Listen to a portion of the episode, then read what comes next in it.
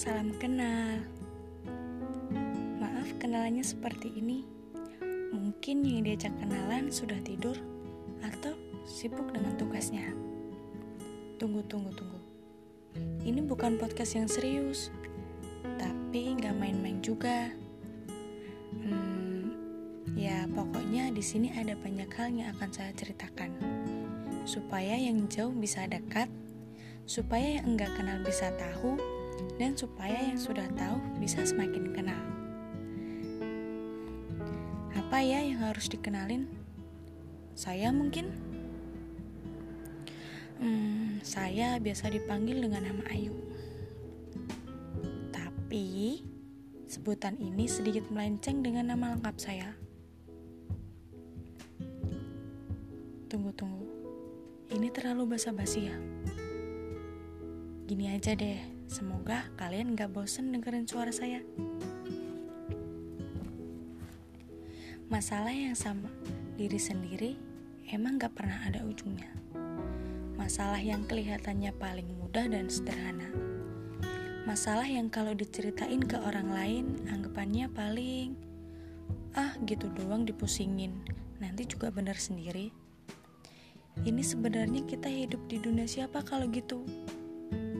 Yang selalu dituntut agar jadi orang yang harus baik, harus berguna, harus belajar, harus masuk ke sekolah favorit, harus diterima di perguruan tinggi terbaik, harus sabar, dan harus coba lagi, bahkan dan kata menyerah yang lebih mudah.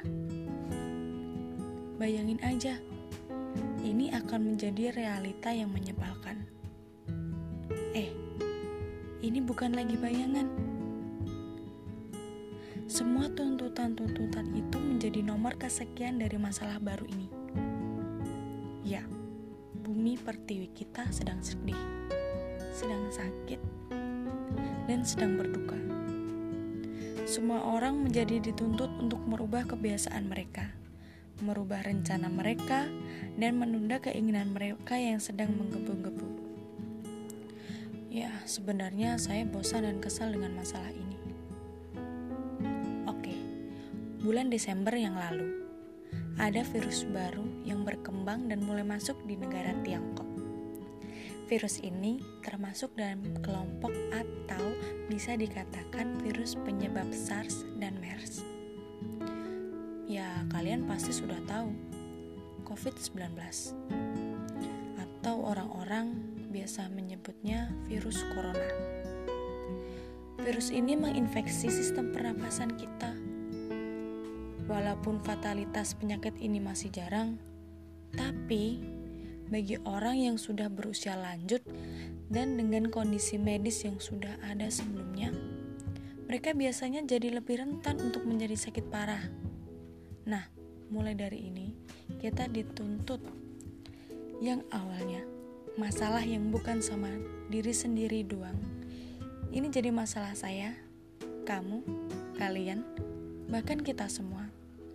Masalah yang besar, ribet, lama, dan masalah seperti ini pun bisa cepat hilang kalau manusianya enggak egois. Orang yang suka kotor jadi bisa lebih bersih. Orang yang enggak betah sama rumah bisa jadi betah.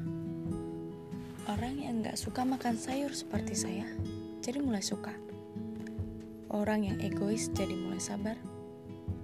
Yang awalnya deketan bisa jauhan. Ya, gara-gara social distancing pasti. Jadi lebih boros dalam mengonsumsi sayur, buah, air putih dalam situasi kayak gini. Di mana banyak pekerja yang mulai kehilangan pekerjaannya. Mulai gulung tikar mulai mendirikan usaha kecil rumahan. Karena kita tahu kita yang dituntut jadi lebih sabar untuk membantu meredakan masalah ini. Tapi sayangnya itu nggak bertahan lama. Kita cenderung menjadi penurut hanya di awal. Setelah bosan, apa yang kita buat? Dengan cara menghibur diri di rumah atau malah menghibur orang, orang lain dengan menyumbang angka penularan. Padahal sudah dua minggu saya nggak mau tahu soal ini. Ya pasti karena takut dan bosan. Eh, tapi begini lagi. Dan malah super panik sampai kepala sakit banget rasanya.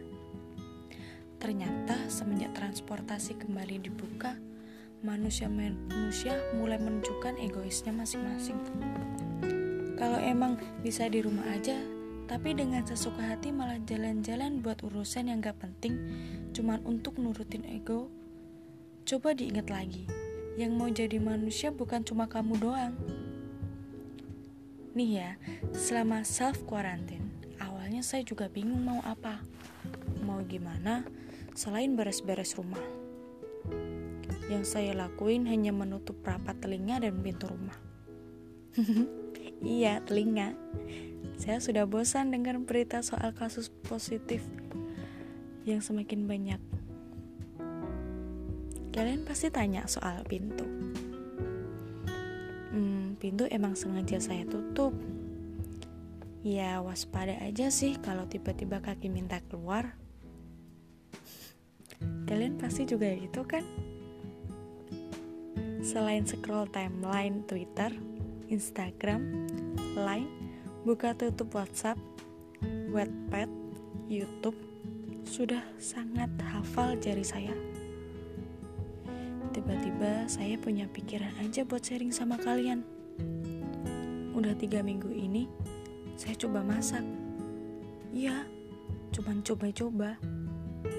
Awalnya sih buat dessert, eh lama-lama malah masak sayuran.